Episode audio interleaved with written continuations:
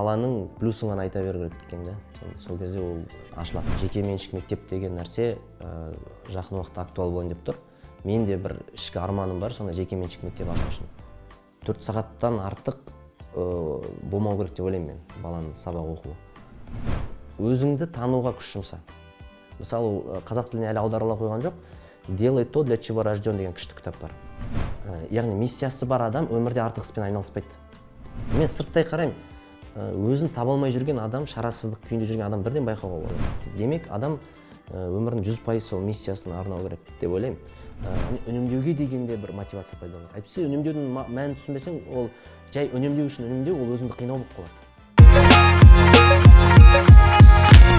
Армысыздар бүгін подкасттың бүгінгі қонағы ә, кітап ал компаниясының HR директоры ә, лайфхактар не үшін үйлену керек кітаптарының авторы данияр жігітбек. Қош келдіңіз. Қош көрдік рахмет шақырғандарыңызға данияр мырза ә, сіздің мына кейінгі іске асырып жатқан жобаңыздың бірі ол ауылға кітап жобасы. Ә, енді осы жобаға ерікті ретінде адамдар ә, өздері сома жинап белгілі бір соған байланысты елу шақты кітап ұсынады иә кітапханаларға ауыл кітапханасына. Енді осы кітапқа менің өзім туған ауылымда атсалысты ә, арал ауданы сексеуіл кенті.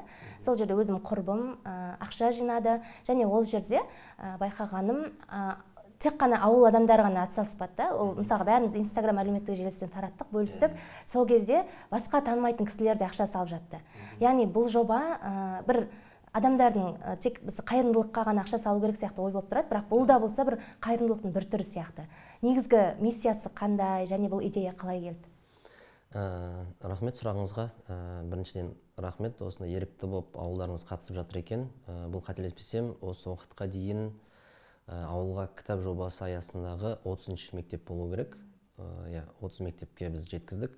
Енді біздің кітап ал компаниясы туралы айта кетейін. Кітап ал компаниясының миссиясы ә, қазақстанды кітап оқитын елге айналдыру.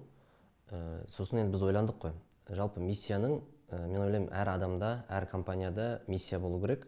Миссияның екі функциясы болады. Біріншісі фильтр яғни айнал, іспен айналысам ба айналыспаймын ба деген сұраққа жауап болады. Екіншіден миссияның ә, функциясы ол ә, мақсат тудыру. Яғни біз ойладық біз қазақстанды кітап оқитын елге айналдырғымыз келсе тағы не істей аламыз деп ойладық. Сосын ә, иә біз ә, негізі компаниямыз кітап сататын кітап басатын компаниямыз ә, былайша айтқанда өз өзімізді асырап жатырмыз. Бірақ ә, мысалы қалалық жердегі адамдарға сатсақ ол орынды. Бірақ ә, кітаппен әлі достасып үлгермеген адамдар болуы мүмкін. Ауылды жерге мысалы дейл карнеги кім заманауи кітаптар бар. Наполеон хиллдің кітаптары ә, атом әдеттер деген сияқты қазақ тілінде сөйлеп жатқан кітаптар бар. Оларды ол, ол кітаптар ауылды жерлерге әлі жете қойған жоқ біріншіден. Жеткен күннің өзінде кітаппен достаспаған адамға қалай сатасың? Мысалы мен алыңдар десең. Енді сату дегенде бұл жерде мақсат біз сатамыз ақшасына қайтадан кітап басамыз. Бұл ағартушылық ә, пен бизнестің қосындысы бізде. Сонымен ойладық. Ә, бізде қайырымдылық қорлар өте көп. Олар үймен қамтамасыз етеді азық түлік әпереді киім әпереді жақсы. Бір халықтың жыртығын жамаған жақсы. Бірақ ә, біз ойладық. Біз енді халықты оқытайық балық бермей қармақ берейік. Олар оқыған адам бәрі ойланады. оқыған адамның таңдау мүмкіндігі кеңейеді өмірге құлшынысы өмірдің мәніне қатысты сұрақтары көбірек болады. Сол үшін оның жалпы дамуы кейін болашақта өзін әулетін ауылын көтеру мүмкіндігі жоғары болады. Сол үшін біз кітап оқытқызайық достастырайық деген ой болды. Сосын ойладық ауылға кітап жобасы. Енді біз тегін таратсақ біз бізге қиындау болып қалатын еді. Сосын ойладық халықты осыған жұмылдырайық. Ә, деп. Бұл жерде идея былай ғой. Ә, байқасаңыз сіздер ауылда қанша адам қатысты деп ойлайсыз мысалы ақша жинауға?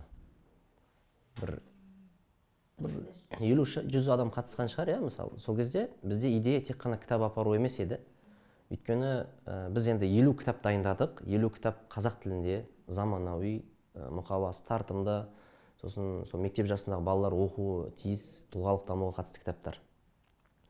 Енді жалпы сомасы 150 мың теңге болады. Ә, несімен жеңілдігімен бәрін есептегенде. Бір коробкада елу кітап болады. Сөйтіп әр ауылға жіберейік дедік. Бұл бастамасы болсын. Ә, өйткені ауыл кітапханаларында білеміз кітаптардың советтік кітаптары бар ескі кітаптар бар мысы бар. Анау достасқың келмейді оқығың келмейді. А мынау қызық сырт тақырыбы қызық қызылды жасыл кітап. Сонымен мүмкін балалардың бір ынтасы оянар ау деген ниетпен осы кітаптарды таңдадық. Бірақ бізге былай істей салсақ та болатын еді. Ә, кәсіпкерлерден ақша жинап алып тарата салсақ болатын еді. Бірақ бұл жағдайда ә, ауыл мысалы ойлаңыз бір кәсіпкер ауылға қатысы жоқ кәсіпкер болуы мүмкін жіберді ақша бізге бізге не тұрады жинап береміз ә, болды. Бірақ ол кітап барғанмен ол кітапқа деген жанашырлық ол кітапқа деген ә, былайша айтқанда жанашу сезімі азырақ болатын еді. Ал енді ойлаңыз елу адам үш мың теңгеден тастап кітап жинады. Кітапқа қажет ақша соманы жинады. Сөйтіп ол келді ауылға. Сосын енді ойлаңыз елу адам сұрайды ғой. Сұрауын сұрауы бар ғой әр нәрсенің. Не болып жатыр? Ана жолы үлес қосып едік қой деген сияқты. Сонда былайша айтқанда бұл кітаптарды ғана жеткізу емес бұл кітап оқу идеясын жеткізу. Тіпті біз айтамыз ә, складта тұр дейміз да коробкаларымыз. Ә, почтамен жеткізе аламыз бірақ негізі абзалы сол өздеріңіздің бір адамдарыңыз алып кетсе дұрыс болатын еді деп. Өйткені анау адам барады ол сезіну керек адам. Адам бір нәрсе істеген кезде жақсы сезінеді да. Сол үшін ә, осы бізде кітаптардан бөлек идеяны жеткізу болды. Сол үшін мен енді 30 ауылға жеткенмен қазір ақша жинап жатқан адамдар көп. Яғни жалпы кітапқа ақша жұмсау деген нәрсені бұл да бір мәдениет. Бізге осы нәрсені жеткізу маңызды болды және құдайға шүкір біз соған жетіп жатырмыз деп ойлаймын. Иә расымен де өйткені адамдар ә, көп болып жинағандықтан бәрі бақылап отырады да. Қанша ақша жинады екен ол әр ә, ақша түскен сайын есебін салып отырды. жиырма мың болды отыз мың болды деп жаңағы құрбым сол кезде расымен бір қызығып отырасың да. Сен қанша қоссаң да өзің білесің. Әркім айт, әртүрлі мысалы таныстарым. Кейде ыңғайсызданып отырдық. Мен кейде ойладым күніне бір екі жүз теңге жіберіп тұрайын дедім бірақ біртүрлі болып қала ма деп ойлап едім. Бірақ қайтадан оны жеңдім дейді да. Адамдарда әртүрлі прогресс болып жатыр да іштей. Яғни ол бұл жерде кітап оқыған адам емес кітапқа ақша жинаған адамдарда да бір өзгерістер болып жатыр да. Енді мына жерде енді кітап мысалға барды иә. Жаңа оны кітап оқитын кітапқа қызығатын балалар оқуы мүмкін. Ал енді мынау кітапқа мүлдем қызығушылығы жоқ ынтасы оянбаған балаларға қалай ә, кітапты оқытуға болады? Ә, бұл жалпы сұрақ қой әлде ауылға қатысты жоқ жалпы сұрақ. ә, біз енді ә, арнайы кітап алып подкаст деген жасадық. Ә, бірінші саны осы апта шықты. Ә, жақсы өте жақсы. Бір 11 мың қаралым болды. Үш күнде ә, біз қалай оқытуға болады деген сұрақтың бәрі сол жерде. Жауабы енді қысқаша сол жерден табуға болады. Бірақ қысқаша жауап беретін болсам ә, кітаптың біріншіден біз ойлаймыз кітап оқымайды деп ойлаймыз ғой балалар. Мен, біз енді кітап саласында жүрген адам болғандықтан мүмкін біз оқытқыза алмай жатқан шығармыз. Демек мұқабасын дұрыс емес жасап жүрген шығармыз тартымсыз қылып. Анау мазмұнын дұрыс жасамай жүрген шығармыз. Мысалы мен өз басым лайфхактар деген кітапты жазған кезде мынандай нәрсені ұстандым. Кітап оқымайтын адамның өзі оқитындай қылып жағдай жасап қою. Ол қалай? Мысалы бір тақырып ә, бір жарым беттен аспайды. Өйткені адам кітап оқымайтын адам бірінші былай қарайды ғой. Мынау қанша дейді? Да бір жарым оқи саламын ғой дейді. да сосын кітаптың жүйесін солай жасадық. Мұқабасын кішкене жеңілдетіп жасадық дегендей. Сол үшін мен айтар едім маған қатысты қойсаңыз бұл сұрақты. Кітап басу кітап сату саласында жүрген адам ретінде мен айтар едім біз осылай қызықтыра аламыз. Яғни мұқабасын тартымды етіп мазмұнын тартымды етіп қызық тақырып таңдап деген сияқты.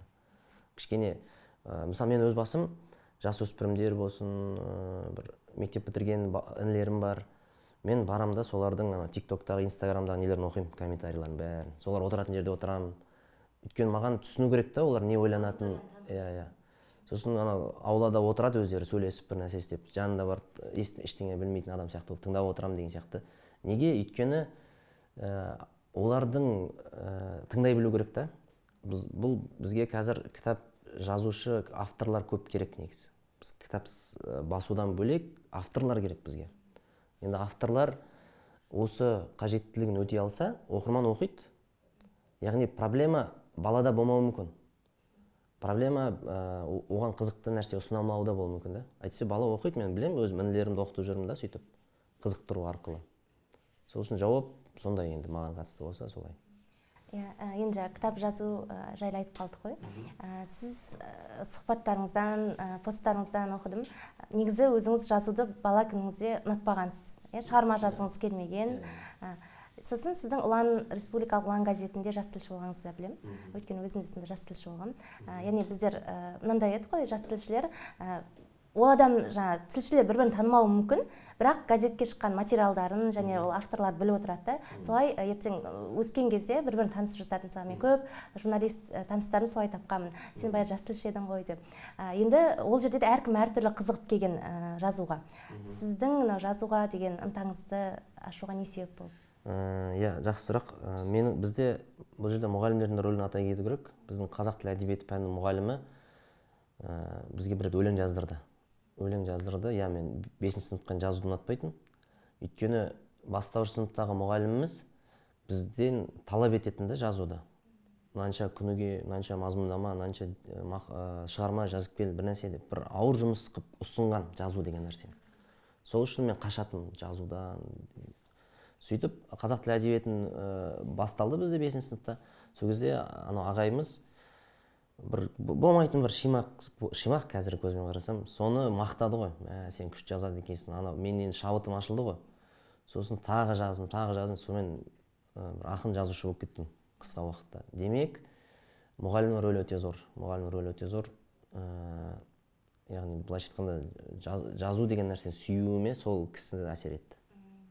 Мысалы ол мысалы мен қарасам мүмкін ол кісі мені көріп тұр ғой енді шикі нәрсе екенін мақтауға тұратын нәрсе емес екенін біліп тұр. Бірақ әшейін бір сөзі менен жазушы шығарып жіберді да. Сол сияқты бұл жерде мұғалімнің рөлі зор мұғалімнің рөлі зор. Енді былайша айтқанда ол өтірік мақтағанның өзінде өтірік мақтау бар мақтамай қою бар да. Қайсысы тиімдірек мысалы? Мақтай салған оңай ғой тиімдірек та. Сол үшін ә, жалпы мұғалімдерді тыңдап отырсам мен айтар едім баланың плюсын ғана айта беру керек екен да сол кезде ол ашылады. Иә мысалы қазіргі таңда айтып жүрген мотивация деген нәрселер ғой енді. Біздің кезімізде ол дүниелер айтылмады ғой білмеді деген сияқты. Бірақ ә, жаңа ұлан деп айттым ғой. Мысалға ең бірінші мен жазған нәрсем ол ұланға сөз жұмбақ болатын. Астана деген сөз жұмбақ сіңілім екеуміз құрастырғанбыз. Және сол сөз жұмбақ жіберген кезде маған ә, хат келді редакциядан. Ол хатта мақтаған да. Мен бірақ ол жерде тағы әңгімелерім болған. Бірақ ол әңгімелер шығармады. Мен күтіп жүремін ғой енді. Сөйтсем хат келді хатта жазып қойған. Құндыз ә, сенің талабың өте жақсы өте жақсы жазасың бізге тағы да осындай әңгімелеріңді жазып жіберші деді бірақ шығармаған. Сосын басында көңіл күйім түсіп жүрді ана хатты оқығаннан кейін мен а тағы да бұдан да күштісін күтіп жатқан шығар деп мен тағы жаза бердім енді ол кезде кішкентай бесінші сыныптағы кезім ғой. Яғни бұда жаңа сіз айтқандай ғой баланың кішкентай кішкентай болсын бір талантын или талабын көріп тұрсаң сен оған одан сайын шабыт беру керек. Яғни бізде ә, енді мектепте болсын бұл оқу орындарында да бұл нәрсе ә, сәл қиындау жүзеге асады. Өйткені бұл жерде кінәлауға болмайды мұғалімдерді ұстаздарды оқытушыларды. Өйткені өзім де сол салада жұмыс істедім. Сонда бізде расымен қағазбастылық деген нелер өте көп болатын. Енді сонымен жүрген кезде сен сабаққа да дайындалуың керек. Әрі сен ә, балаға күшті көңіл күй сыйлай алу онымен ә, жаңағыдай оның көңіл күйін түсіне алу деген сияқты нәрселерді біліп отыруың керек та. Бірақ ол үнемі жүзеге аса бермейді.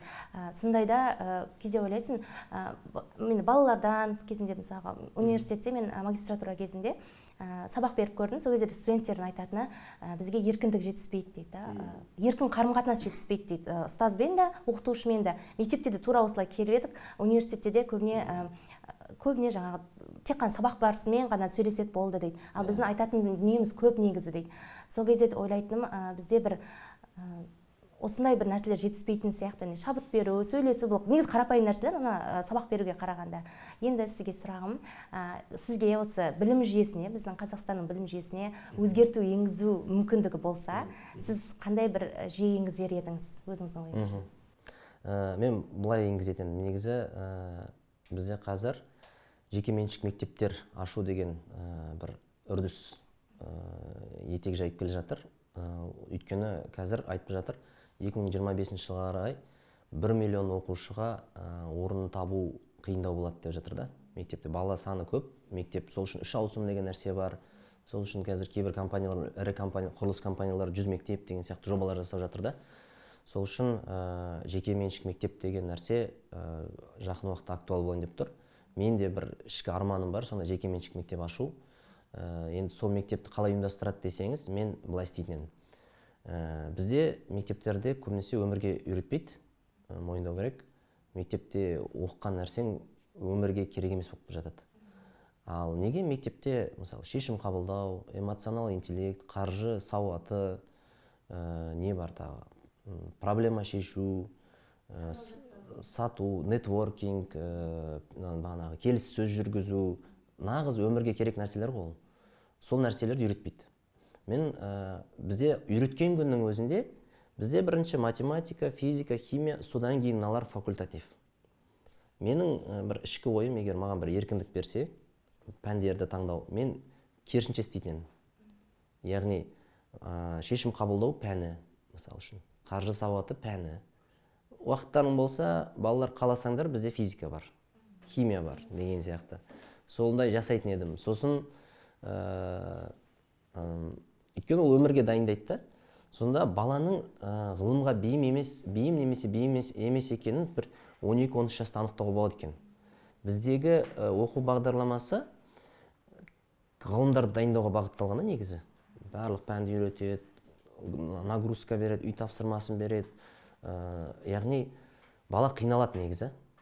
Сол үшін мен ойлайтын едім он екі он үш жасқа дейін ә, соны іріктеп алу керек. Баланы өзін өзі тануы таланттарын тануы өзін сөйтіп 12-13 жаста шамамен бір қоғамның бір жиырма пайызы жиырма пайыз бала ғылымға бейім болады. Соларға қиын берсе болады. Қиын сабақ қалғандарына бүйтіп қинаудың керегі жоқ деп ойлаймын. Және ә, мынау нәрсе бар. Ә, мысалы үлкен кісілердің ересек кісінің өзі ойлап көріңіз төрт сағат сіз кітап оқи аласыз ба мысалы үшін? Төрт сағаттан артық ә, болмау керек деп ойлаймын мен баланың сабақ оқуы ә, білім алуы. Одан бөлек енді ондай түрлі үйірмелер ұйымдастыруға болады сабақтың орнына. Сондай ой бар менде негізі бірақ қазір бізде мемлекетте ә, қателеспесем мынандай не бар талаптар бар. Ә, сенде жекеменшік мектеп ашсаң да сенде осындай осындай математика осынша пән болу керек химия осынша пән болу керек деген сияқты бар түсінік. Бірақ ә, болашақта бір еркіндік берейін деп жатыр. Қалай ұйымдастырамын десең де өзің білесің деген сияқты. Онда күшті болатын еді. Осы нәрсені жүзеге асыруға болады да. Сонда біз өмірге дайын адамдарды тәрбиелеп шығарамыз. А бірақ шынымен де мен бұрын інілеріме ә, бар мына қарындастарым бар мектеп жасындағы оларға айтатынмын оқыңдар оқыңдар деп. Иә олар оқи алмай жатыр қызық емес дейді ғой енді. Сол кезде мен, мен қазір түсіне бастадым да. Енді оңай емес анау бес алты сағат отырады өзіне қызық емес нәрсені тыңдауға мәжбүр орындауға мәжбүр. Сосын оны келіп үйде жасайды. Ана стресс қой. Өмір қиындықпен өтіп жатыр. Ал негізі адам бір бақытты қуанышты сәттері көп болу керек мектептің өзінде. Енді бұны қазір мемлекет деңгейде жасай алмай жатыр деп ойлаймын. Бірақ жекеменшік мектептерде бар бұл элементтер. Бала еркіндік не істеймін десе былайша айтқанда сол еркіндік жағына қарай жүру керек деп ойлаймын. Иә сол функционалды сауаттылық деген нәрсе ғой. Яғни сен мектепте алған білімді негізі ә, бала өмірде іске асыру керек деген нәрсені айтатын Иә, бізге де жаңағы білім берген кезде. Енді жаңа таңдау деп айтып қалдық қой. Ә, расымен ә, бізде көбіне жастарға мүмкіндік көбірек бізде жастар мына мысалы жиырмадан асқаннан он сегізден асқаннан кейін контент те көбірек олар қалай даму керек ә, жұмыс пен сабақты қалай бірге алып жүру керек барлық нәрсе бар да оларға айтылатын. Бірақ дәл осы жасөспірім шақ ә, олардың мектеп бітірер кезі таңдау жасайтын кезінде оларда ә, өздерінің айналасында тек достары енді барлығы демеймін енді көпшілігінде сосын әлеуметтік желімен ғана байланыс бар сияқты да оларда сол үшін де мысалы мен өзім інім бар әлі ә, енді он бірінші сыныпқа өтеді бірақ сәл қиын да таңдау жасауы өйткені ана сабақта ұнайды мына сабақта ұнайды бірақ қандай мамандық таңдайтынын білмеймін деген сияқты сәл қиын болып ойланып қалады. Сосын оған енді барынша көмектесуге тырысамын. Әр мамандықтарды қызықтырып ұсынып көремін қалай ойлайсың деп. Бірақ енді осы былай ғой мысалға кішкентай кезде бір бала тек қана жазуға қызығуы мүмкін да. Үнемі жазып жүреді ол солай біліп жүреді а ана журналист болады екен деген сияқты. Немесе біреу ән айтады ол әнші болады екен. Бірақ бүкіл бала ондай емес қой. Барлығының бірдей таланты ашылмайды мектеп кезде. Енді сондай бір өзінің сүйікті ісін таңдауын жасай алмай жүрген мектеп оқушыларына қандай бір кеңес айтасыз қалай таңдауға болады қалай таңдау жасауға болады? Бұл енді бұл үлкен тақырып. Бұл жүйелі шешілу керек деп ойлаймын. Мысалы ата ананың мүмкіндігі болса немесе аға әпкелердің мүмкіндігі болса ол баланы ә, түрлі үйірмелерге салып оны байқап көру керек. Мысалы мынаған мысалы шахматқа апарасың боксқа апарасың күреске апарасың жүзуге апарасың ә, робототехникаға апарасың деген сияқты баланы сынап көру керек әр жерде. Адам бала біле алмайды ғой мысалы неге бейім екенін оны сынап көру арқылы білесің. Бірақ бұл жұмыстың бәрі бағана сіз айтқан он он бірге дейін жасалу керек. Сонда бала нақты өмірде немен айналысқысы келетінін сол кезде түсіну керек еді. Бірақ бізде өйтіп баламен айналыспайды. Сөйтіп ә, оны былайша айтқанда ә, бір таңдаудың алдына қойып қояды да қиын. Бұл жерде тіпті мынандай нәрсе бар. Мен айтар едім бірінші кезекте баланы тануға күш жұмсау керек. Қазіргі кезде көптеген тесттер бар. Галлоп деген тест бар ә, MBTI деген тест бар гартнер деген тест бар. Тест түрлі тесттер өткізу арқылы баланың ә, неге бейім екенін білуге болады. Мысалы сіз жазу дедіңіз иә? Жазу былай қарасаң жазу жазады екен деп журналистика беру де ол қате шешім болар еді деп айтар едім. Өйткені мен өзім жаздым. Журналистикаға баруды армандадым. Өйткені бір шаблондар болды. Жазасың журналистикаға барасың. Бірақ қазір мен ойласам ә, мен журналист болғым келмейді екен ә, жаза алғаныммен. Жазу ол машық навык дейді ғой орысша айтқанда. Ал үйрену иә ал навыктан бөлек бейімділік деген түсінік бар. Мысалы біреу камераның алдына сөйлеуге бейім ә, біреу репортаж алып сұхбат алып бір тез орын ауыстыруға бейім да. Мен ондай емеспін мен ондай бейімділіктерім жоқ. Сол үшін мен ә, журналистикаға салып жіберсе мүмкін қиналып жүретін едім мысалы үшін. Сол үшін мен айтар едім бірінші кезекте оныншы он бірінші сынып ата аналары егер оқушылар болса осы бағана аталған тесттер бар ә, тегін тесттер өте көп. Өзіңді тануға күш жұмса. Мысалы қазақ тіліне әлі аударыла қойған жоқ. Делай то для чего рожден деген күшті кітап бар. Делай то для чего рожден керемет кітап. Ә, мен өзім кезінде сол кітапты оқып белгілі бір жауаптар тапқам қалай, қалай қай бағытта дамуым керек екен неге? Өйткені ә, мысалы былай ғой өмір деген мынандай нәрсе. Ә, бұл өмірде балық та бар құс та бар гепард та бар да бұл өмірде. Әрқайсымыз белгілі бір рөлді атқарып жүрміз. Сөйтіп келеді университет мектеп қоғам айтады ал енді бәрің жүгіріп жарысыңдар дейді. Сөйтіп енді кім ұтатыны белгілі ғой?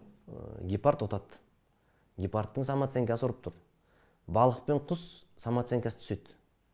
Стресске түседі депрессия болады сосын мен сүйіктісімді таба алмай жүрмін деп балық ойлайды да құс та сөйтіп ойлайды. Сосын ә, енді бұл, бұл мәселенің шешімі былай болу керек қой. Әркім өзінің біріншіден балық екенін тану керек. Ә, құс екенін тану керек. Сол кезде адам өзінің балық екенін түсінген күні ол гепардпен жарыспайды уже. Ол айтады маған су, су әкеліңдер мен суға барамын дейді. Құс та солай айтады. Сол кезде ә, балыққа тек қана суды бересіз суға түсе салу ғана қалады. Суға қалады болды өзін бақытты сезінеді ол. Тура сол сияқты біздің қоғамда ә, балықтар бар құстар бар гепардтар бар ә, әртүрлі жануарлар деген образды түрде айтып жатырмын ә, өзін танымай қиналып жүр да. Қиналуының бірінші себебі ол өзін танымай тұр. Өзін тануға күш салу керек. Әсіресе ерте жаста оныншы он бірінші жаста өзін танып алса ол адам ода көп проблема болмайтын еді. Тіпті өзін интроверт экстраверт деген түсінік бар да. Интроверт деген түсінік бар екен білмейтін адамдар бар. Ол ол түсінеді. Неге мен ә, тойдан кетіп қалғым келіп тұрады неге мен шулы қоғамды ұнатпаймын деген сұрақтың жауабын тапса ол өзін кінәлауды қояды ғой. А, сен интровертсің. Интроверттер негізі адам көп жерді ұнатпайды жеке қалғанды ұнатады десе оның бір уайымы азаяды өзін танығандықтан. Сол сияқты ал сол сияқты интроверттің қандай артықшылықтары бар? Интроверт адам ол жақсы тыңдай алады ә, жақсы анализ жасай алады терең ойлана алады мысалы үшін. Артықшылықтар негізі ол.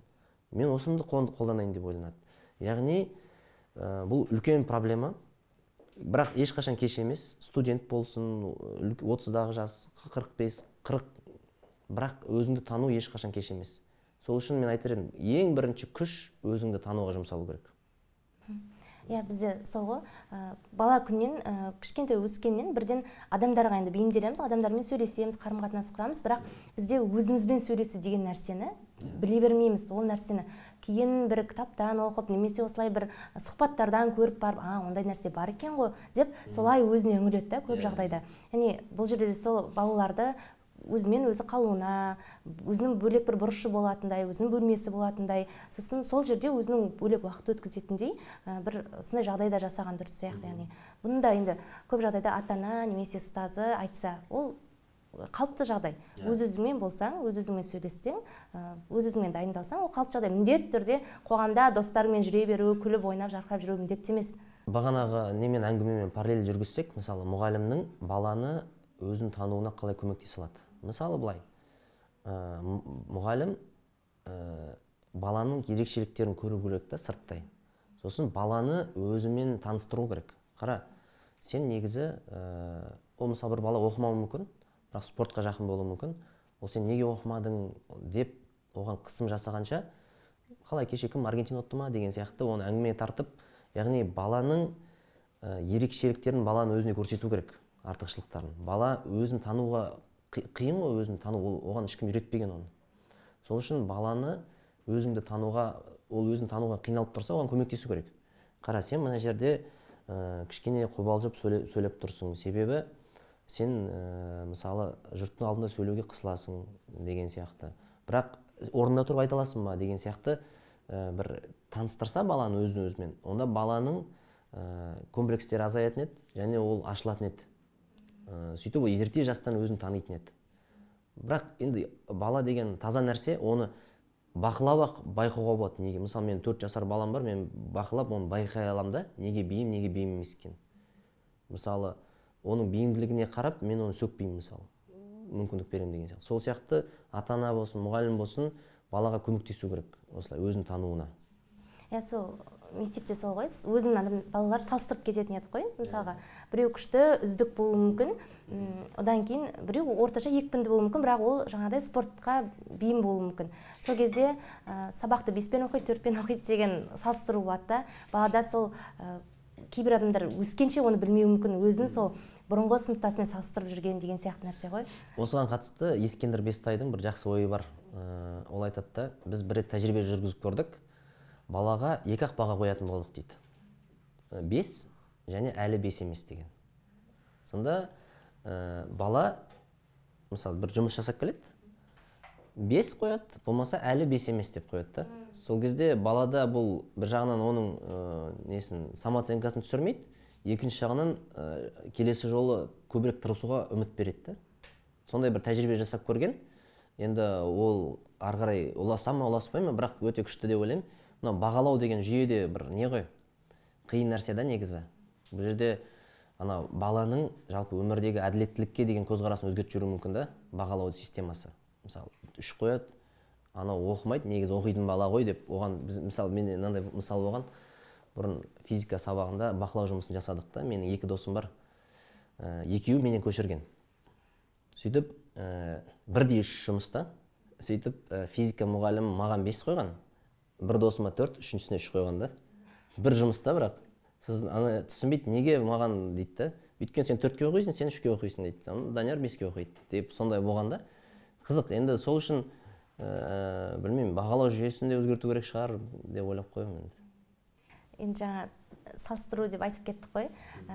Мынау енді жастарға қарай ойыссақ мына қазіргі жастар негізі расымен айналамыздағы адамдарға қарасақ барлығы да бір ә, дамуға деген ә, құлшыныс бар. Яғни біреусі марафонға қатысып жатады немесе біреу ерте тұрамын деп өзіне ә, не қояды ә, әдет қалыптастырамын дейді. Ә, біреу өзінің бала күнгі арманын орындап мысалы ән айту болса сол ән айтуды жалғастырып жатады деген сияқты да. Ә, бірақ енді осындай ә, енді әсіресе әлеуметтік желіде ғой көбісі жариялап жатады. Ә, сол кезде ә, кейбір ә, ішкі бір күйзеліске түсіп кететін де жағдай болады да мысалға. Үнемі бір нәрсе істегің келіп жүреді талпынып жүресің бірақ ол я жүзеге аспай жатады не орта жолдан қалып қояды.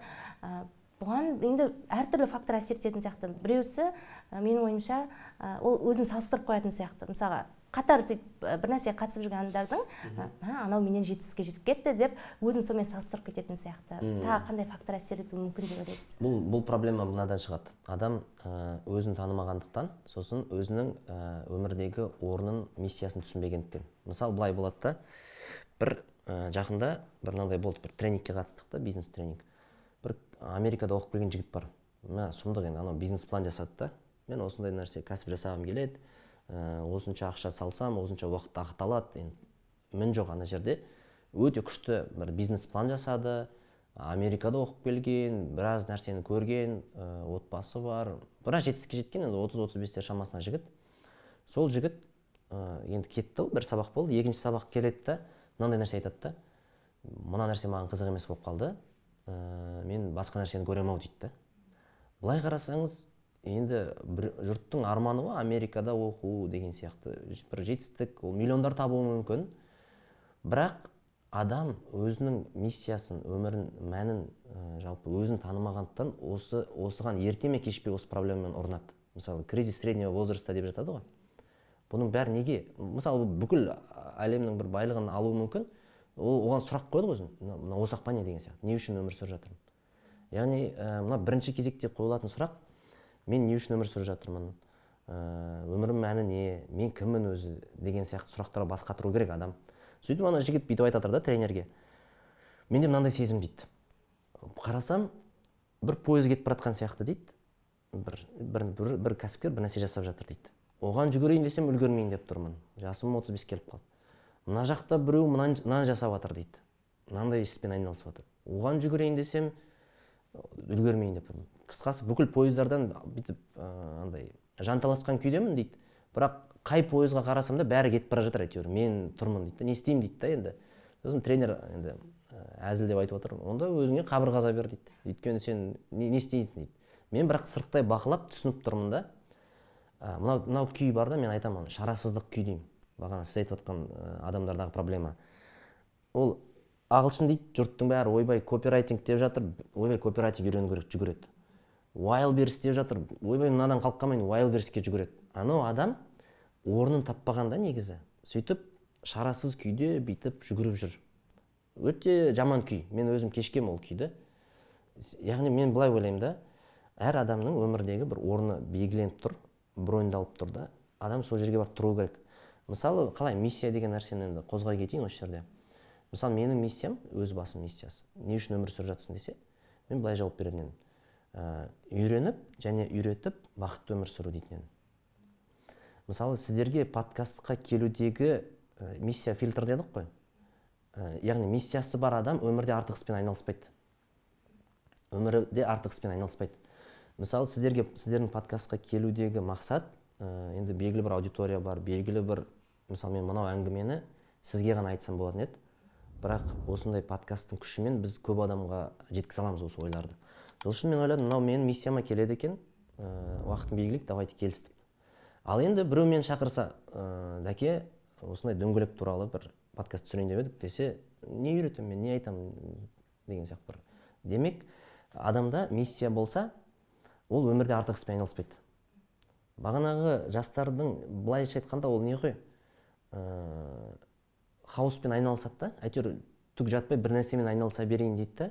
Сөйтіп ол миссия ол біреудің мақсаты болуы мүмкін ағылшын үйрену керек деген мүмкін ода ішкі, ішкі сұраныс жоқ шығар сырттан келген ой шығар. Сөйтіп бізде адамдарда проблема өмірінде ә, қажет емес іспен айналысады. А қажет қажет емес екенін қалай білесің? Миссия арқылы білесің. Мысалы мысалы менде бұрын мынандай болатын. Ә, үйреніп және үйретіп дедік қой. Бұрын мен бір кітап оқысам бір курсқа қатыссам ә, менде мынандай ой болатын. Біреу айтады ғой келіп өмірде қолданасың ба? осы кітап оқығаннан байып кетесің ба? деп айтатындар бар ғой. Или сен кітап арқалаған есек болып қалмайсың ба? деп сөйтіп айтады мен айтамын ә, сол кезде бір тартынатын едім да. Тартынатын едім. Сосын не не істеймін. Бірақ ішкі қалауым соны сұрап тұр. Үйренгім келіп тұр. Сосын мен алдым миссиям болсыншы осы өмірдегі. Мен үйреніп үйретіп бақытты өмір сүрейінші. Маған ұнайды ғой бұл нәрсе. Бағанағы өзін тану дегеннен шығады. Мен галлоп тестін тапсырғанда бірінші орында сол үйрену үйрету таланты тұр екен лернер. Яғни өзімнің өзімді танып тұрмын.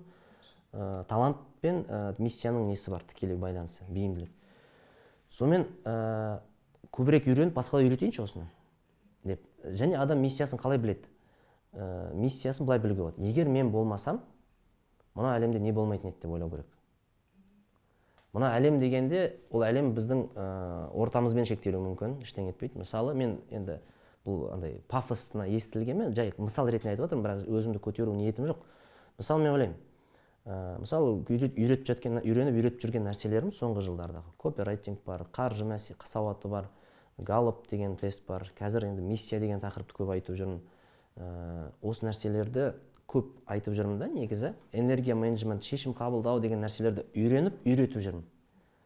Егер осы нәрсені мен мен болмасам мысалы үшін бұл әлемде не болмайтын еді деп ойлаймын ғой енді. Онда ә, галлопты галлоптың тәпсірін түсінген 700 адам болмайтын еді. Ә, копирайтинг үйренген мың жарым адам болмайтын еді. Көрдіңіз ба? Адам ә, өзінің ә, білсе де білмесе де адам өмірге бір әсерін тигізіп жатыр. Мысалы сіз үшін әйтеуір бір мал бауыздалып жатыр қазір. Өйткені сіз ет жейсіз сол ет үшін бір демек сіз әлемге әсер етіп жатсыз.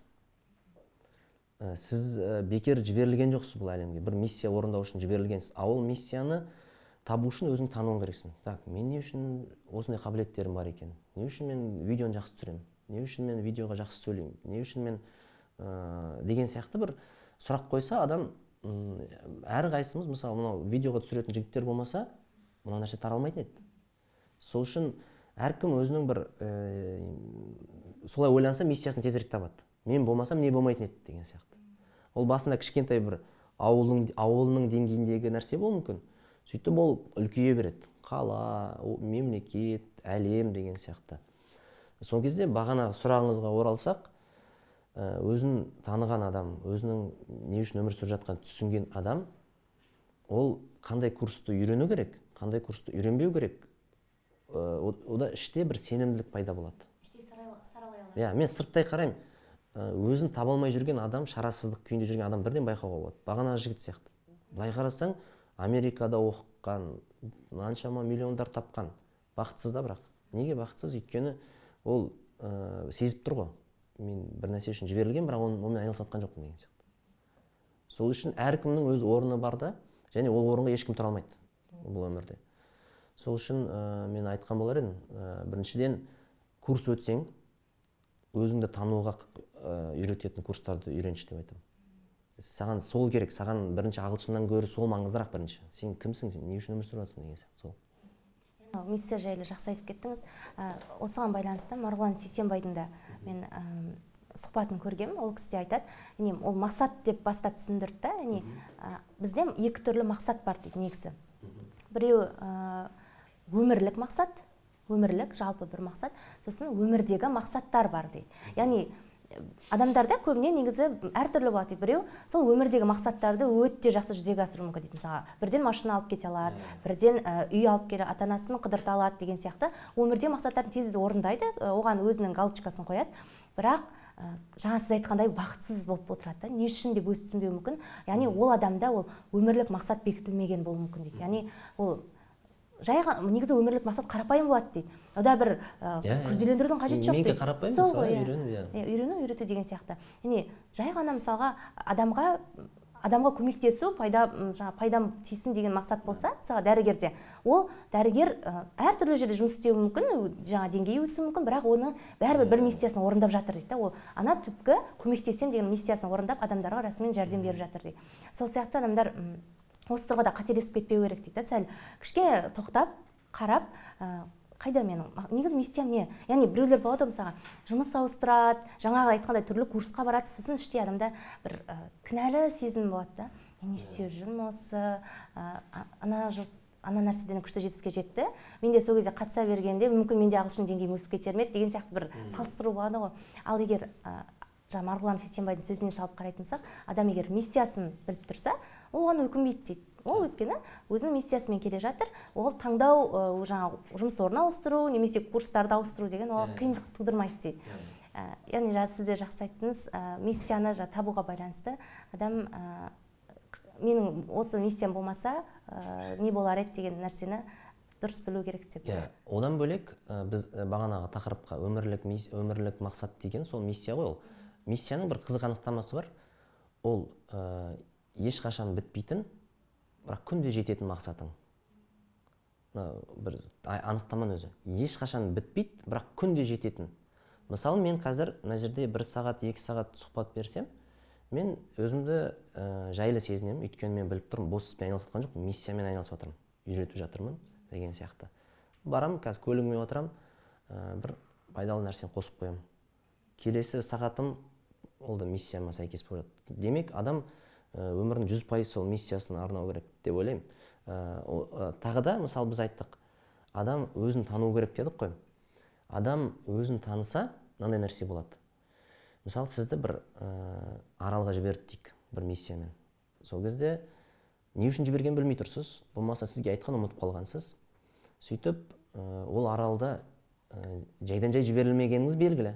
Не істейсіз? Сіз миссияңызды қалай өзіңіздің бойыңыз киіміңізге қарайсыз құралдарыңызға қарайсыз да сөйтіп құралдарыңызға қарау арқылы сіз миссияңызды түсінуіңіз мүмкін. Мысалы қолыңызда күрек тұр екен. Сізге күрек ұстатып жіберген осы аралға. Жаратқан. Сөйтіп сіз бірінші ой былай болады ғой. Демек мені қазу үшін жіберген шығар мына жаққа. Күректі бекер ұстатқан жоқ қой. Және мені күрекпен ә, жіберсе күрекпен қазу ә, шеберлігін де берген шығар маған. Сондай талантым бар шығар деп сіз қаза бастайсыз. Сосын байқайсыз басқаларға қарағанда жақсырақ қазады екенсіз. Басқаларға қарағанда ә, қазу шеберлігіңіз күшті екен ә, басқаларға сөйтіп пайдаңыз тиіп жатыр. Біреуге алтын қазып бересіз деген сияқты ғой. Сөйтіп ә, сөйтіп сіз миссияңызды тезірек таба аласыз. Біреу қарайды мысалы менде бағанағы құралым үйрену үйрету таланты болып тұр. Ә, немесе ә, білмеймін жыл, ә, бір интеллектім бір белгілі бір деңгейде сол үйретуге бейім болуы мүмкін да. Демек алла мысалы сол қабілеттерді берген маған құралдарыма қарап жатырмын ғой. А құралдарыма маған табуыма ортам ә, тәжірибем тесттер бағана көмектесті сөйтіп мен өзімнің миссиямды тезірек таптым десем болады. Сол сияқты құралдарға қарау керек. А өмірде қалай болып жатыр? Сіз құралдарыңызға қарамайсыз жан жағыңызға қарайсыз біреу ағаш балталап жатады. Сөйтіп сіз ойланбайсыз маған не үшін күрек берді деп. Сіз де күрекпен ана ағашты балталай бастайсыз. Күрегіңіз сынып қалады анау сияқты шебер балталай алмайсыз да. Сонымен сіз самооценкаңыз түседі. Бірақ сіздің ә, миссияңыз бал, ағашты балталау емес еді ғой қазу еді ғой. Ананың оған балтаны берген себебі ол ағашты балталасын деген. Сол сияқты ә, барлық нәрсе өзіңді танудан басталып тұр ғой. Өзіңді ә, танысаң сен құралдарыңды танисың. Сосын сұрақ қоясың. Маған мынаны не үшін берді деп сұрақ қоясың. Қандай рөл атқару қандай миссия үшін берді деп ойлансаң жауап келеді. Сосын мен егер қазір қазбай қойсам не болады деп қоясыз мысалы? Сіз қазбай қойсаңыз күрегіңіз бола тұра. Балтасы барлар келіп қаза бастайды. Бірақ олай ә, енді ойлаңыз балтамен қазу қалай? Сонымен қоғамда ештеңе өнбейді. Сол үшін қоғам әр адам бақытты болу үшін әркім өзінің миссиясын орындап жүру керек қой. Қазатын қазу керек балталайтын балталау керек ә, деген сияқты. Сол сол үшін адам бірінші кезек өзін танудан басталып тұр иә. Дұрыс айтасыз.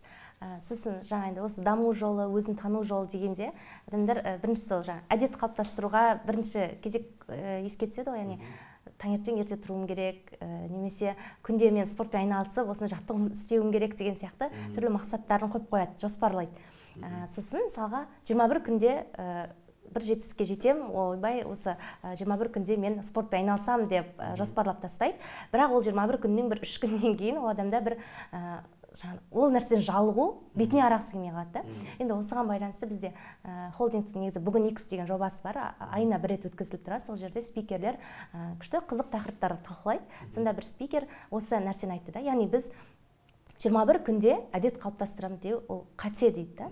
Ә, сен 21 күнде әдет қалыптастырамын деп сен сол нәтижеге ойлап қойдың да нәтижені ойлап қойдың ә, сенде алдын ала шаршау басталды дейді. Сен алдын ала ана жиырма бір күнде мен қалай істеймін мен оған энергиям жете ма деп сен мына жерде ә, неосознанно дейді бейсаналы түрде ойлап тастайсың содан сенің энергияң жетпей қалады дейді. Яғни сен ондайға санға ә, не қойма жоспар қойма дейді. Сен күнделікті істеуге қой дейді. Яғни сен күнде спортпен айналыс сен соған шынайы түрде оған өзің белгі қойып отыр дейді. Айналыспаған қалған күніңде жазып қой дейді икс қойып қой айналыспадым дейді. Бірақ сен оны күнде істе дейді. Сол икс қойдың деп оған тастап кетпе дейді. Яғни күнде күнде қойып істеп отыр дейді. Яғни бізде көбіне сол бір әдет қалыптастырамын дегенде адамдардың ә, сәл несі мысалға қателігі бір ә, сол үш күннен кейін бір төртінші күн істемей қойса соған былай барлығын тастап кетеді деген сияқты дүние сияқты.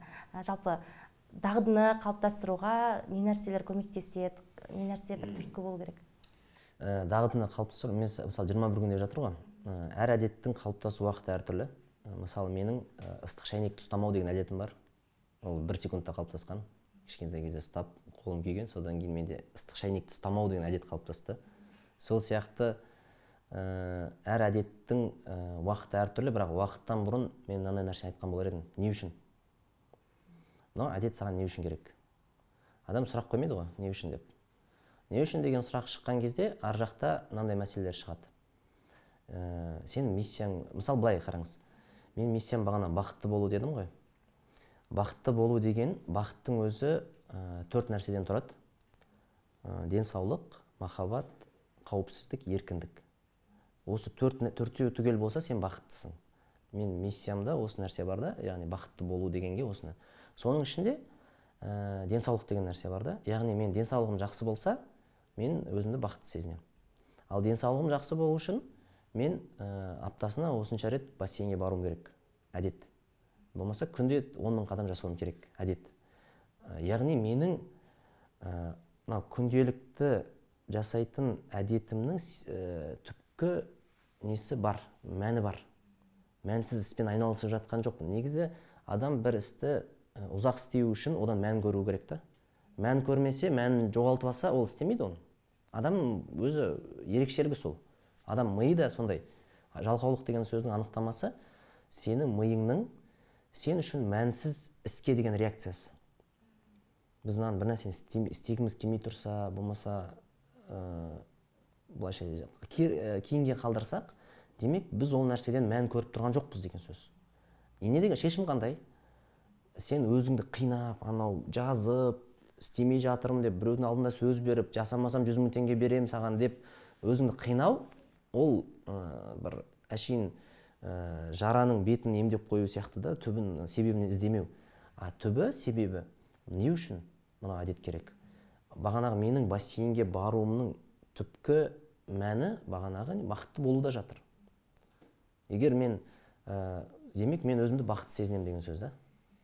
Менің бақытты сезінуім үшін мынау нәрсе керек десе бұл нәрсе ұзақ болады өмірінде. Мен тіпті мынандай бір не ереже бекіттім. Егер сен сені бақытты ететін істерде тұрақты болмасаң сен ә, ә, сені бақытсыз ететін істерді істеуге ә, мәжбүр боласың. Қалай? Мысалы мен білем мен бассейнге бару бағана таңертең жүру жүгіру деген нәрселер мені бақытты етеді негізі. Бірақ бақытты етеді еткенмен ол үшін кішкене бір нәпсіңді жеңуің керек. Ә, андай болмайды да бір. Ұмтылып нәпсі деген нәрсені ешкім былай жоққа шығара ол ә, ол сенің адамның бойындағы бар нәрсе. Бірақ сені бақыт бақытың үшін күрес деп жатады ғой бізде қазақта. Сол үшін ә, бақытты ете ма сені осы нәрсе? Сен тұрақтылық сақта. Бірақ ә, менде мысалы былай бассейнге кейде барғым келмей тұрады да. Сосын ойлаймын мә жаңбыр жауып тұр қар жауып тұр суық кішкене бармай ақ қояйын ба? деймін да. Бірақ сәл бір екі секундта не үшін ә, ойланамын ғой не үшін баруым керек деп. Ана есіме түседі. Сосын барам. Қинау, қинау уақытым бір екі ақ минут. Орнынан тұрып заттар жинап кетесің. Бірақ жүзіп жүрген кезде жүзгеннен кейінгі душтағы шыққандағы сезімдер күшті да ұнайды маған. Ә, мен бақытты сезінемін сол сәттерде өзімді. Демек мен бақытым үшін де бір нәрсе істеуім керек екен. Ал егер мен ә, бассейнге еріндім ә, бірақ ерінудің өзі кішкентай ғана күрес керек. Ә, егер ол нәрсемен айналыспасам бәлкім құдай сақтасын денсаулығым бір ә, сыр беріп сосын антибиотик дәрі ішуге дисциплина сақтауға мәжбүр болып қаламын да көрдіңіз ба то есть мені бақытсыз ететін нәрседе дисциплина сақтап кетуім мүмкін. Иә сол үшін сіздің әр адамның мен айтамын да егер миссия таппай жатсаңыз бәріне ортақ бір миссия бар бақытты болу деген миссия бар.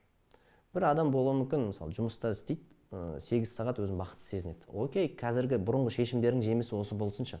Бірақ сенде ә, алттан кейінгі уақыт бар демалыс уақыты бар. Өзіңе сұрақ қойшы сен қай кезде өзіңді бақытты сезінесің?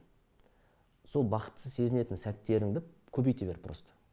Көбейте бер көбейте бер көбейте бер. Сөйтіп сен өзіңнің ә, миссияңа сәйкес өмір сүре бастайсың. Немен айналысу керек екенін сол кезде түсінуің мүмкін өмірде. Мысалы марғұлан аға бүйтеді да менің хоббиім анау немен не еді? Баги бар ғой. Багимен қазақстанды бір ә, жерлерін аралау болатын. Басында өзі кішкене бір екі досымен сөйтіп жүретін да. Бақытты етеді ғой оны. Бақытты етеді саяхат бақытты етеді. Сөйтіп ол алды да басқа адамдарға ұсынып көрді. Баги тур осындайма қатысасыздар ма? Бағасы бір білмеймін бір он мың ба он үш мың доллар ма сондай. Сөйтіп ол айтады да бұл бір кәсіп көзіне айналды дейді. Хобби. Сол сияқты бізде кейде адамдар бақыт үшін күреспейді негізі. Ә, бақытты үшін күрес деген не? Сен білесің ғой сен тауға бару бақытты ете ма? Бірақ тауға бару үшін оят тұруың керексің ғой таңертең. Сол сияқты сен бақытты болғың келсе онда кішкене күш сал кішкене күш сал. Бірақ жемісі бірден байқайсың. Сол сияқты бағана әдет мәселесі де сол. Әдет қай кезде тез қалыптасады? Оның мәнін көріп тұрсаң. Бағанағы еркіндік. Мысалы ә, бақытты құрайтын үш төрт нәрсенің бірі еркіндік. Болмаса қауіпсіздік. Қауіпсіздік дегенде қаржылық қауіпсіздік бар ішінде. Мысалы қаржылық қауіпсіздік дегенде ә, сенің бір айға жететін қорың бар ма? Жоқ па. Алматыда қазір бүкіл табысыңнан айырылып ә, жұмысқа жарамсыз болып қалсаң бір айға бір ай алматыда жүруге қажет қорың бар ма? Жоқ па?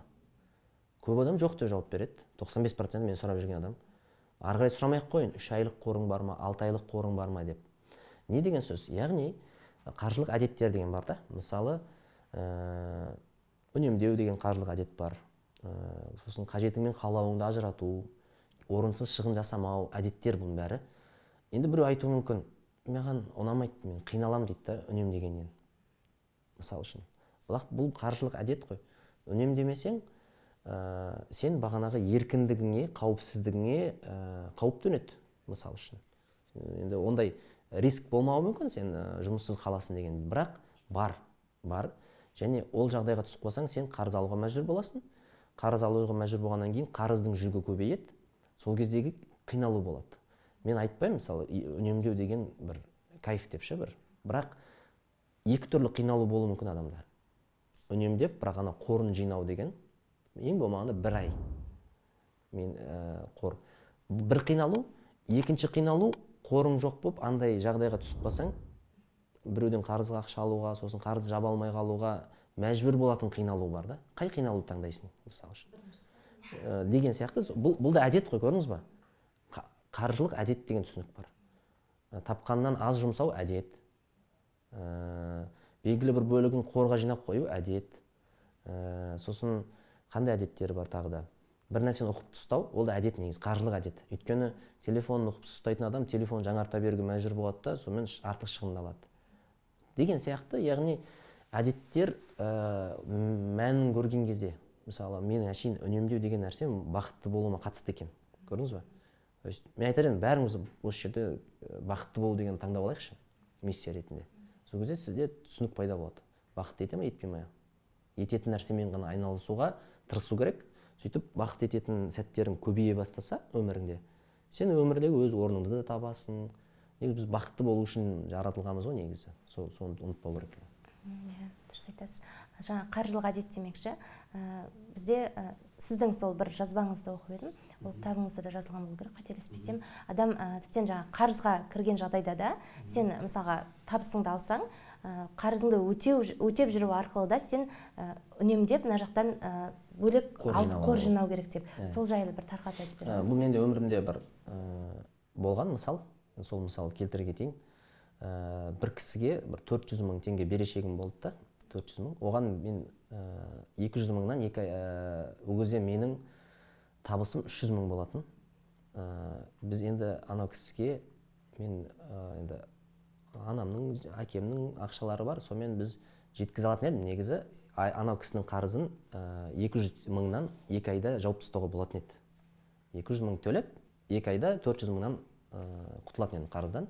Қалған жүз мыңыма бір нәрсеге өмір сүруге болатын еді сол кезде. Сөйтіп ә, мен бір ә, бодо шефердің ба біреудің ә, лекциясын тыңдап қалдым. Негізі бай адамның әдеті бар кедей адамның әдеті бар. Бай адамның әдеті ол ә, ақшасының белгілі бір бөлігін өзіне төлеу өзіне өзіне қалдыру. Өзіне яғни бір бұрышқа қойып қою. Ал кедей адамдікі ол ақшасынан тезірек арылу. Біз кейде біреулер айтады маған шопинг ұнайды анау мынау дейді да. Жоқ ұнасын бірақ сен табысың мен шығыныңды есепте математика керек бұл жерде. Бірақ түптің түбінде сенде мынандай ой жатқан жоқ па? Мен ақшамнан тезірек арылғым келеді деген. Сондай бір жатуы мүмкін да установка. Ол айтпауы мүмкін ауызбен бірақ кейбір адамдардың әрекетіне қарасаң олар ақша келді ма? тезірек арылғысы келеді ақшасынан. Өзіне қалдырғысы келмейді.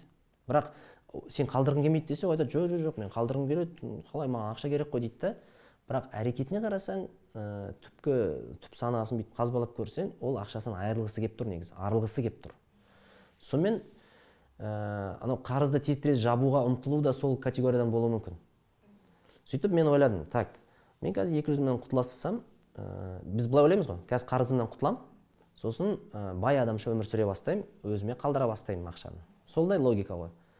Ал ә, мен айттым да неге мен қазірден бастап бай адамның әдетін қалыптастырмаймын?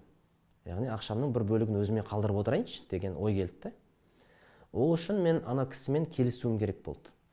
Так аға мен сізге 400 мың екі айда қайтара аламын бірақ сіздің рұқсатыңызбен сіздің рұқсатыңызбен жүз мыңнан төрт айда қайтарайыншы дедім. Сосын ол айтты енді ә, жарайды ештеңе етпейді енді ол төрт жүз мың қарап тұрған жоқ ол негізі. Бірақ менің ішкі ұмтылысым бұрынғы тезірек ойбай ойбай тезірек екі жүз мың құтылып болды жаба салайыншы осыдан кейін қарызды ұмытайыншы деген әңгіме ғой. Бірақ ә, ол кісі рұқсатын бергеннен кейін мен бүйттім менің негізі мүмкіндігім ай сайын екі жүз мың беруге жетіп тұр ғой. Сосын мен алдым. Так төрт айға төрт жүз мың ай сайын жүз мың беремін оған. Қалған жүз мың бар ғой. Қалған жүз мыңды өзіме төлейінші мен бай адаммын ғой енді деген сияқты. Сөйтіп әдет қалыптастыра бастадым. Иә өзіме төрт ай өтті. Қарызымнан құтылдым. Қанша пайда болды менде? Төрт жүз мың пайда болды да қорымда. Ана қор, қор демекші көп айтады. Черный день деп айтпа ойбай кедейлік психология жамандық шақырма дейді да. Мен бүйтіп айтамын. Қор деген нәрсенің мақсаты ә, сіз ә, енді скорее всего ондай қиын жағдайға түспейсіз. Жұмыс табылады. Ә, жұмысқа жарамды болып шауып жас кезіңізде жүре бересіз. Бірақ қор не үшін жинау керек деген сұрақтың жауабы қор сізге психологиялық ә, бір не беріктік үшін керек. Мысалы ойлайық. Сіздің айлық шығындарыңыз 200 мың теңге дейік сөйтіп сіз білесіз ә, маған алматыда жүріп тұруым үшін минимум 200 мың теңге жетіп керек деп ойлайсыз. Сөйтіп ә, табысыңызды арттырасыз үнемдейсіз сөйтіп өзіңізге төлейсіз ақшаны. Сөйтіп сіз алты айлық қор жинап қоясыз. Алты айлық қор дегеніңіз миллион екі жүз мың. Жай тиіспейтін тұратын ақша. Сол кезде сізде мынандай нәрсе пайда болады. Бастық келіп ә, жұмыстан шығасыңдар ә, бол сен маған ұнамайсың бір нәрсе. Әртүрлі жағдай болуы мүмкін. Сол кезде сенде паника болмайды ғой.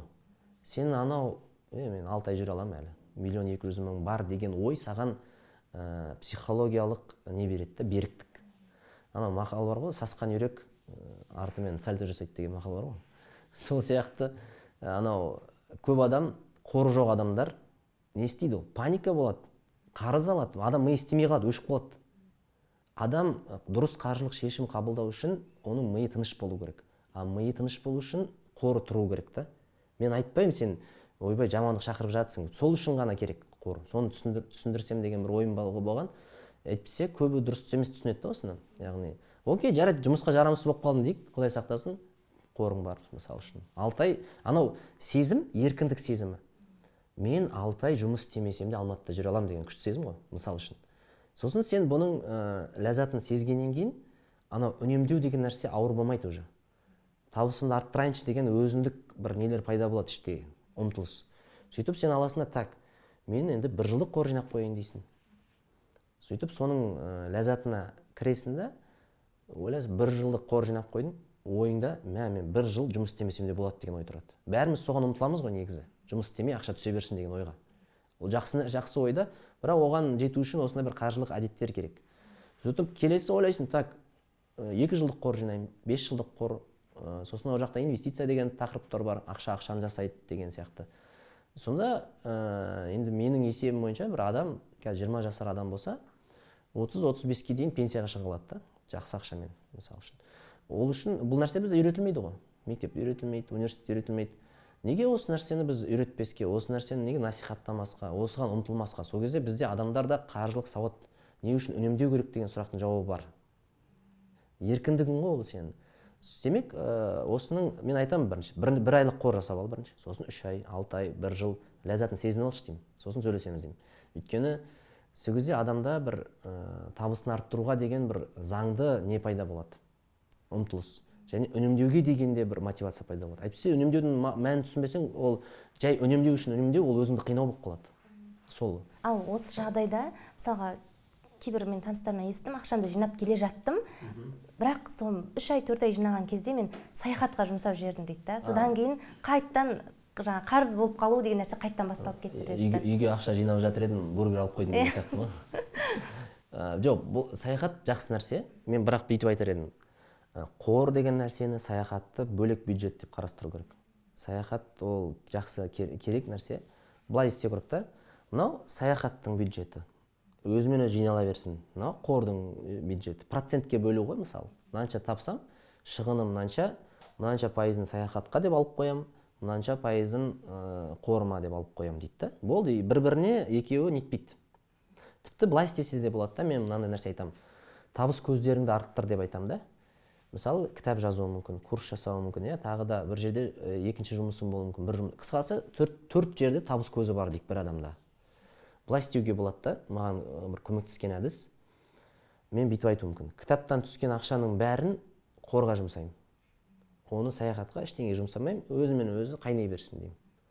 Ә, мысалы екінші жұмысымнан тапқан ақшаны мен саяхаттың бюджетіне жіберемін дейсіз. Ана бір біріне стрел не байлап қоясыз да каналмен жалғап қоясыз.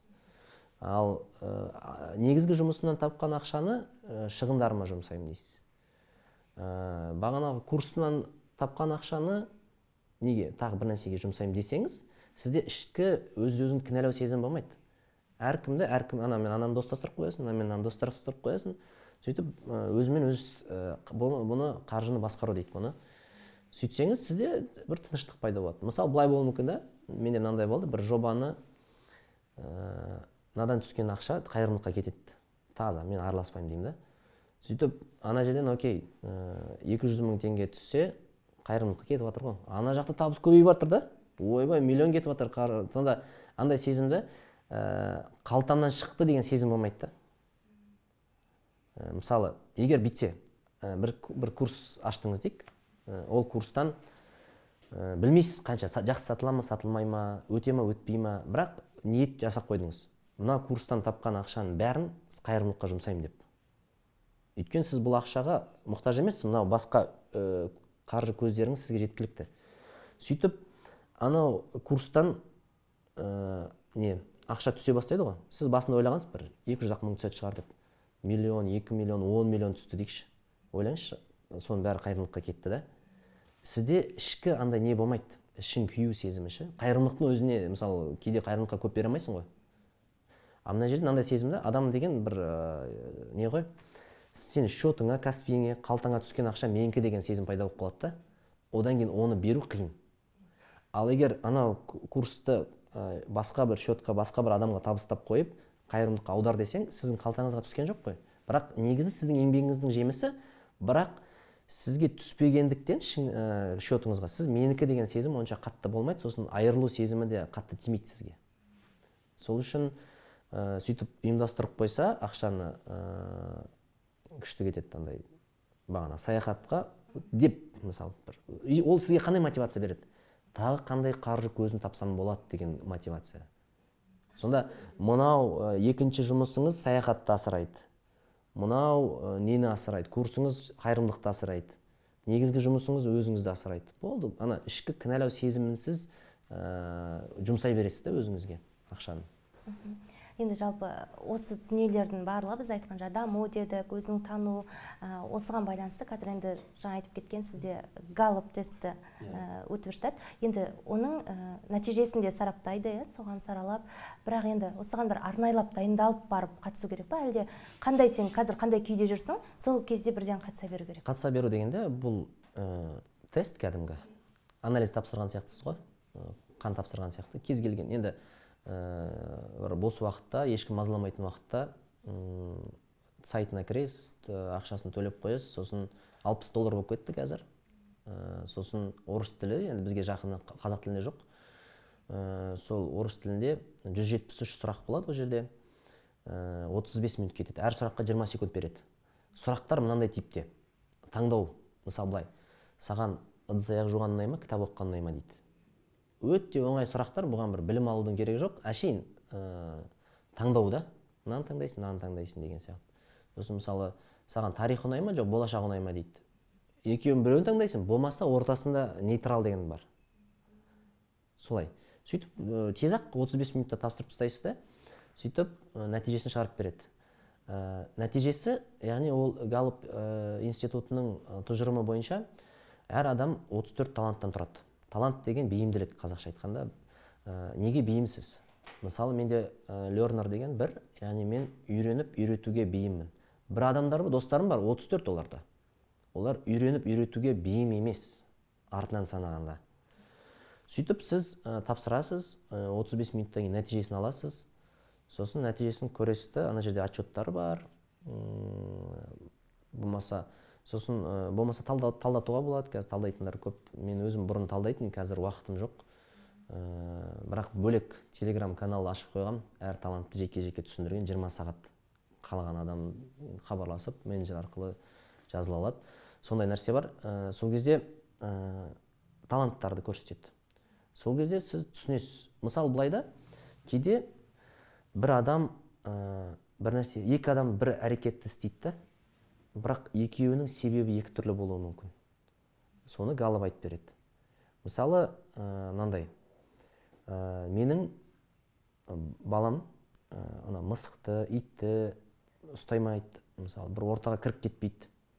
Сөйтіп мен қарасам бізде қазақта сын есіммен сипаттайды ғой адамды. Қорқақ сенімсіз бір нәрсе деп.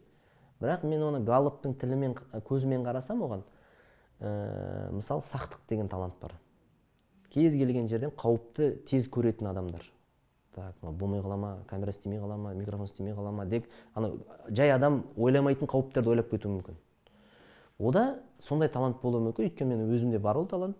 Бесінші орында бессің жағында яғни қауіпті рисктерді көре білу таланты. Енді генмен берілген шығар деп. Оны мен баламды ә, кінәламаймын да. Қорқақсың деп айтпаймын. Мен сақсың деп айтамын да. Сақтық таланты деген сияқты. Сол сияқты бұл ә, тест тапсыру арқылы сіз өзіңіздің әрекеттеріңіздің ә, сезімдеріңіздің ойларыңыздың мотив дейді ғой себебін түсіне бастайсыз.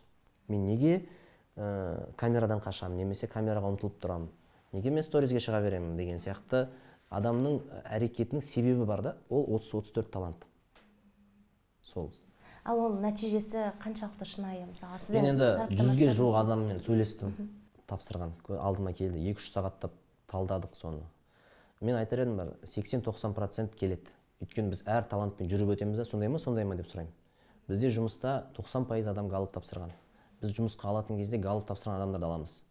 Өйткені мен ол адамды бес алты жыл бірге аралассам да дұрыс танымауым мүмкін. Бірақ галып менің бес алты жылымды үнемдеп береді. Ол айтады мынау адам ә, коммуникацияға бейім. Мынау адам ә, санға жақсы. Мынау адам аналитикаға жақсы болды. Мен санға бухгалтерияға қатысты мен HR директор ретінде менің мақсатым дұрыс адам дұрыс жерге қою. Сөйтіп бізде ә, компанияда енді құдайға шүкір дұрыс адам дұрыс жерде тұр қазір. Сол үшін әр адам бақытты болады деп ойлаймын. Әйтпесе кейде болады сен сата алмайтын таланты келмейтін адамды сату бөліміне кіргізіп қоясың да ол қиналып жүреді. Неге? Өйткені бейім емес ол. Солай біз енді енді ойлаңыз мен екі жыл бір жарым жылдай астам көз алдымда галып тапсырған адамдар жүр да. Мен оларды сырттай бақылаймын ғой. Себебін түсініп тұрамын. Және кімге қалай мотивация беру керек екенін білемін. Мысалы кейбір адамдар болады оларға көп тапсырма беру керек олар содан ләззат алады. А кейбіреуге көп тапсырма бермеу керек. Кейбіреуге бонус беру керек кейбіреуді бонуссыз былай атақпен ынталандыру керек. Жарайсың деген сияқты. Көрдіңіз ба бұл құрал яғни адамды дұрыс тану керек өзіңді дұрыс тану керек. Мен енді 80-90 процент енді бұны ұлықтай алмаймын бірақ мен осы жасыма дейін көрген құралдардың ішіндегі әзірге ең озығы осы болып тұр. Сосын оны үнемі қайталап тапсырып отыру керек. Қайталап тапсыруға да болады. Анализ сияқты ғой бағанағы қаныңның қанттың құрамы өзгеріп тұрады бірақ маған бір рет тапсыру жеткілікті деп ойлаймын. Өйткені мен ә, бір рет тапсырдым. Сол кездегі күйімді таланттарымды түсініп тұрдым. Және әр талант қалай көрініс табатынын түсінемін. Ә, және мен қазір айта аламын да мысалы үшін тест тапсырмай ақ мынау талантым бұрын ә, әлсіз еді қазір күшейді. Болмаса мынау талантым мықты еді қазір бұл екінші кезекке шықты деп мен әр ісімнің себебін айта аламын. Неге мен мына жерде ашуландым? Неге мына жерде ә, мысалы менде дисциплина деген талант бар да жетінші орында ол. Яғни реттілікті жақсы көремін. Мысалы столда ретті тұрса істерім бүйтіп реттеліп тұрса сөйтіп шашылып жатса бір нәрсе ә, ол шашылып жатуы мүмкін. Бірақ мен өзім жайсыз сезінемін да. Енді нәпсі деген нәрсе бар бәріде ерінесің ананы жинауға. Бірақ маған оның шашылып жатқанынан гөрі жинақ тұрғаны ләззат сыйлайды. Демек мен талантыма сай ұмтылуым керекпін таза ұстауыма деген сияқты. Ә, сол сол үшін ә, жауап сондай. Яғни әрбір өзім дамимын өзім табамын деген адамға осы тестті ұсынасыз иә? Иә иә. әзірге иә иә бүгінгі әңгімеңізге қызықты тақырыптар талқыладық. Көп рахмет уақыт бөліп келгеніңізге рахмет. Рахмет. Егер айтар түйін ойларыңыз болса? Арт айтар түйін ойым бүгінгі айтылған нәрселердің түйіні бір әртүрлі тақырыптар қозғалды. Ә, сұрақтарыңызға рахмет сіздерге рахмет осындай шақырып ә, мына ай- жа- айтылып жүрген әңгімелердің көпшілікке тарауына үлес қосып жатсыздар. Ә, мен мынандай нәрсе айтар едім. Бірінші өздеріңізді таныңыздар дейтін едім өздеріңізді таныңыздар. Ә, тану жолында сіздерге осындай галып сияқты басқа да құралдар көмектеседі. Өзіңді таныған соң ол өзіңнің құралдарыңды таныдың деген сөз. Өзіңнің құралыңды таныған соң сен өзіңнің миссияңды жалпы не үшін орныңды түсінесің. Сосын ә, тіпті миссиясы жоқ адамдарға айтамын сіздердің миссияларыңыз бар ол бақытты болу. Ә, миссияның екі функциясы бар. Ә, фильтр және мақсат тудыру. Сіз былай сұрақ қоясыз. Мынау іс мені бақытты ете ма етпей ма? Деген сияқты. Ә, бақытты етпесе сізге бірақ жауапкершілік болса окей әзірге мені бақытты етпейді бірақ мен өміріне не бақытты етеді? Соны көбейте берейінші деп ә, бір өміріңіздегі жаңа бір аралды жасай берсеңіз болады. Сол сияқты м, жеке дамуда ә, бүкілі осы не үшін деген сұраққа келіп тіреледі не үшін мәнін іздеңіздер ә, сөйтіп өздеріңізді танығаннан кейін миссияларыңызды табасыздар. Миссияны тапқаннан кейін сіз өмірде артық іспен айналыспайтын боласыз және өз өміріңізді сүресіз. Рахмет. Тағы да алғыс білдіреміз. Құрметті көрермен және тыңдарман бүгінгі тақырып сізге ұнаса қандай да бір ой түйген болсаңыз пікірге жаза кетіңіздер. Келесі кездескенше сау болыңыздар.